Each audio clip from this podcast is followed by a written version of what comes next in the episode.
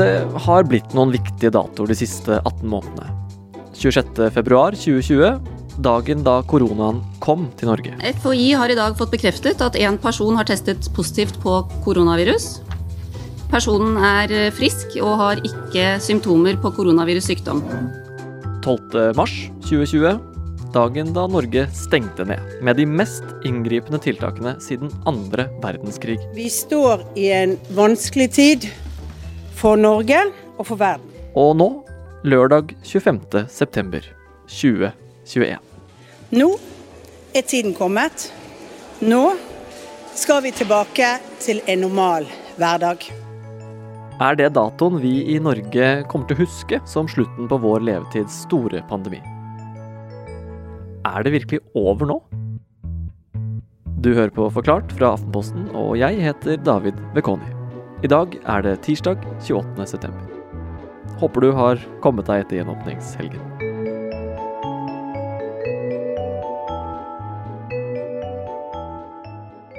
Denne lørdagen var det mange som hadde lengta etter. Men likevel så virket det som om gjenåpninga nesten kom litt brått på. Mange ble overrasket på fredag når uh, vi gikk tilbake til normal hverdag. Uh, noen av oss er jo fortsatt engstelige og synes det kom for tidlig, mens uh, også andre mener at dette her kom veldig sent. Fordi at gjenåpningen er jo noe som har vært på dagsorden lenge, helt siden tidlig sommer. Men gang på gang så har den blitt utsatt og Per Anders Johansen, journalist her i Aftenposten. Hvorfor ble det da denne gangen? Grunnen til at gjenåpning kommer nå, eh, er at eh, smittetallene faller, og at vi nå har vært gjennom en, en av den høyeste smittebølgen faktisk gjennom hele pandemien. Og vi ser at uh, antall pasienter som legges inn, har vært veldig lavt. På det meste har det vært ca. 120 pasienter inne på norske sykehus nå i august, begynnelsen av september. Og tidligere, når vi ikke hadde vaksine, så lå jo pasienttallene på um, over 300. Så det viser at vaksinene fungerer, at uh, planen om å få beskyttet de mest sårbare, den fungerer. Og vi kan leve med mye, mye mer smitte, kanskje fire-fem ganger høyere smittetall, før det begynner å merkes på sykehusene. Seks, fem, Så da åpnet Norge. En, Klokka 16.00 på lørdag så trådte de nye reglene i kraft, og startskuddet for en lørdagskveld nesten uten restriksjoner gikk. Teatre og konsertarrangører hoppet på muligheten til å legge ut ekstra billetter, nå som folk kunne sitte tett i tett. Og jublet i sosiale medier. Og utelivet kunne for alvor ta seg opp igjen. Det ble jo en eh, ordentlig 17. mai-fest på, på, lørdag. Noen sammenligner det med nyttårsaften. Eh, her i Oslo var jo alle utestedene stappa og køene kjempelange. Så folk eh, slo seg løs. En av dem som kanskje slo seg mest løs, kulturminister Abid Raja. Mange hadde gledet seg til å kunne være ute og være på en skikkelig fest.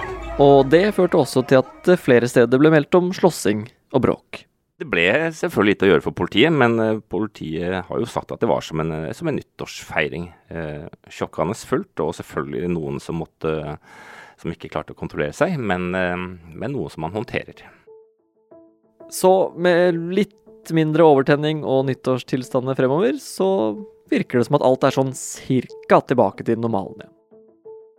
Og det er en del grunner til at det faktisk kan holde denne gangen.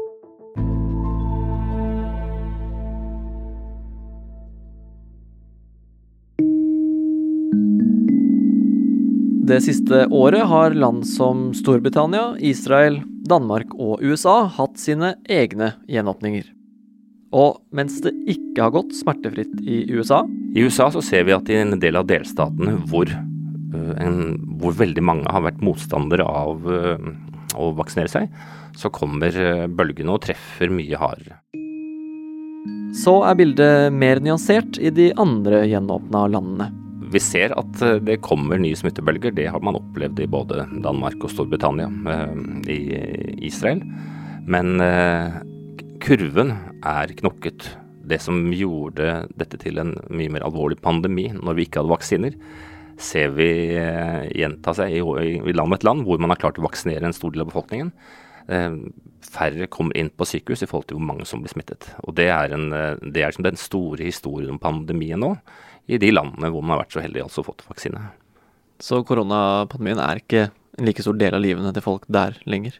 Nei, jeg har jo lest aviser i Danmark og Storbritannia nå i halvannet år for å se hva som skjer der. Og i disse landene så omtales jo nesten ikke korona og covid i det hele tatt. Det har blitt liksom en av veldig mange andre saker. De har begynt å venne seg til å leve med, med pandemien, og, og det blir en utfordring også for oss her i dette landet. Ja, for når det her hjemme har vært noen få utbrudd her og der de siste månedene, så har lokale restriksjoner holdt oss unna en stor landsomfattende nedstengning.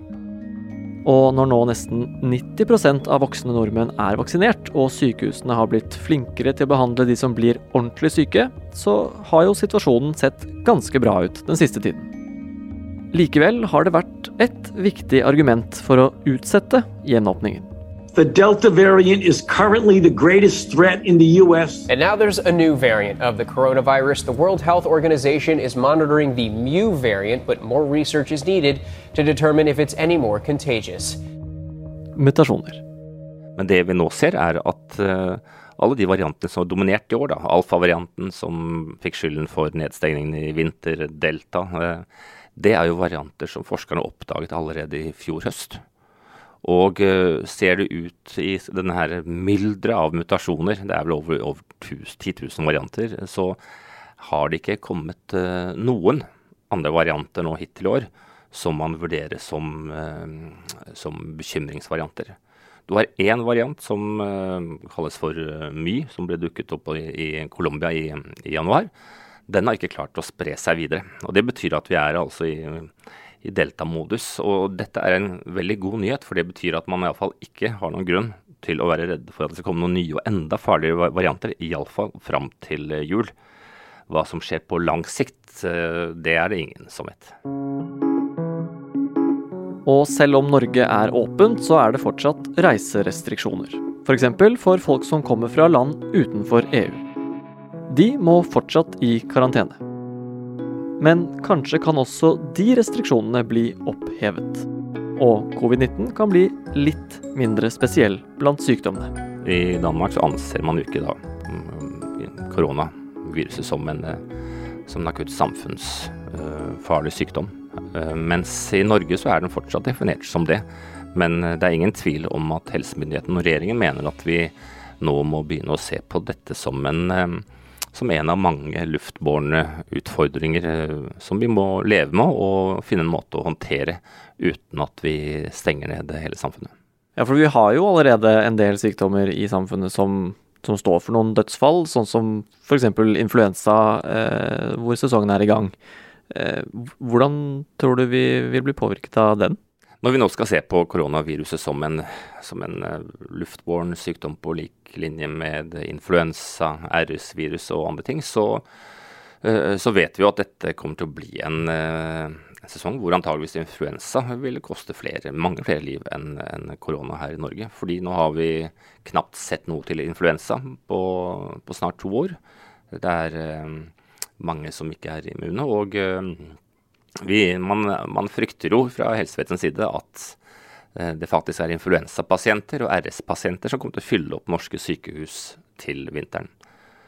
Det som jo da er utfordringen, er at dersom det blir veldig mange eh, som samtidig legges inn, både med influensa, RS-virus og eventuelt koronavirus, så vil eh, sykehusene få, få, store utfordringer. Og da vil vi merke at det kommer eh, lokale tiltak. Så Per Anders, var det da som overlege i FHI Preben Aavitsland eh, sa, kanskje litt eh, for tidlig. Var det den pandemien? At pandemien fortsetter eh, ute i verden, det er helt sikkert. Og, og, vi vil få en dumpete vei fremover, det er jeg ganske sikker på, med lokale utbrudd og lokale tiltak. Men vi er over i en, i en helt annen type pandemi, hvor vi er beskyttet, og hvor det er mindre grunn til å være redd. Og så er det faktisk også noen av oss, da, folk som ikke kan ta vaksine, og som er risikoutsatt, som, eh, som fortsatt vil leve med, med, trusselen. Alt dette gjør at jeg tror eh, denne, denne, vinteren her kan bli litt vanskelig å håndtere, fordi at vi vil være på så forskjellige planeter. avhengig av om vi er unge eller eldre, om vi er vaksinerte eller ikke vaksinerte. Og nå eh, kan vi ikke lenger bare be om å få tiltak som påbud. Nå skal vi stole på hverandre. Vi skal teste oss selv, vi skal eh, følge eh, rådene. Og, eh, og, dette vil nok sette vår, vårt samfunn på noen interessante prøver. Men er det mulig at det blir en ny stor nedstengning? Hvis vi skal eh, ta utgangspunkt i de analysene, eh, scenarioene, disse worst case-modellene til FHI, så er det svært, eh, svært lite sannsynlig.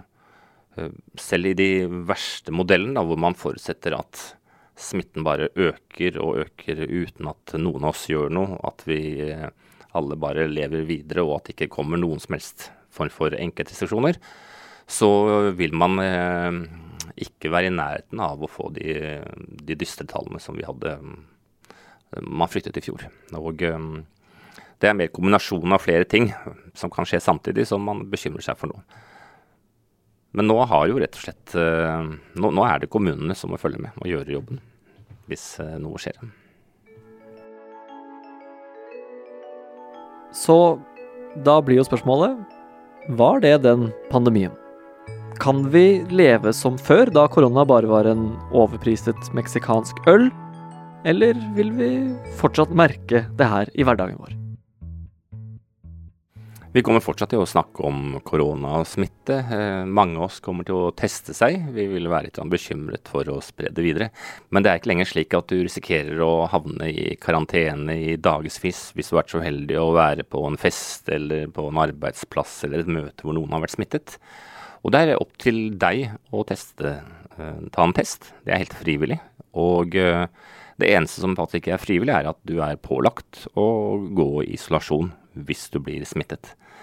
Men eh, det betyr jo egentlig kort fortalt at vi i større grad må nå faktisk stole på hverandre. At folk viser hensyn og passer på hygienereglene og holder seg hjemme hvis de er smittet. Nå har vi jo eh, vært i det her i 561 dager før gjenåpninga kom, og for min egen del, eh, som tok et par øl på lørdag selv, så var det jo litt rart, egentlig, å sitte og se rundt seg og bare se folk som satt tett og lo og koste seg og hadde det gøy. Eh, fordi det bare er blitt så uvant å se sånne scener. Hva tror du vi sitter igjen med da, etter alt det her er ferdig? Vi vet jo ennå ikke de langsiktige konsekvensene av den pandemien. Eh, på den ene siden så vet vi fortsatt eh, ganske lite om de langsiktige virkningene for de som har vært smittet. Eh, dette er jo et tema som det forskes i fortsatt. Vi vet lite om hvordan det har påvirket oss. Og ikke minst hvordan det har påvirket våre barn.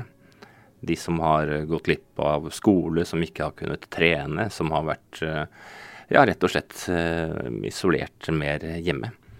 Eh, og det kommer en diskusjon, eller den er jo allerede i gang, og den vil bli enda hardere, nemlig hvordan vi har håndtert denne pandemien. Uh, har, vi, har, vi, trykket fryktknappen for langt inn? Har, vi, har, det vært lett å, å, dytte byrdene ved å stenge ned samfunn over på noen? Og hvordan i all verden skulle vi ha klart oss hvis ikke vi hadde hatt dette oljefondet som gjør at vi nå løpet av dette året har, har brukt mer penger enn noensinne av, de, av, av, oljefondet på å komme gjennom denne krisen. Og uh, det er uh, mange spørsmål. Vi har en koronakommisjon som fortsatt er i arbeid. Og uh, vi er definitivt ikke ferdig med å diskutere dette viruset, selv om nok ganske mange, inkludert meg, er veldig lei.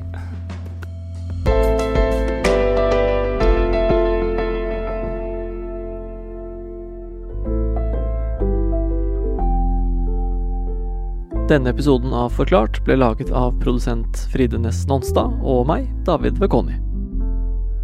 Resten av Forklart er Anne Lindholm, Andreas Bakke Foss, Marit Eriksdatter Gjelland og Guri Leiel Skedsmo. Du har hørt lyd fra NRK, ABC, NBC, VGTV, regjeringen.no og Chat Noir på Instagram.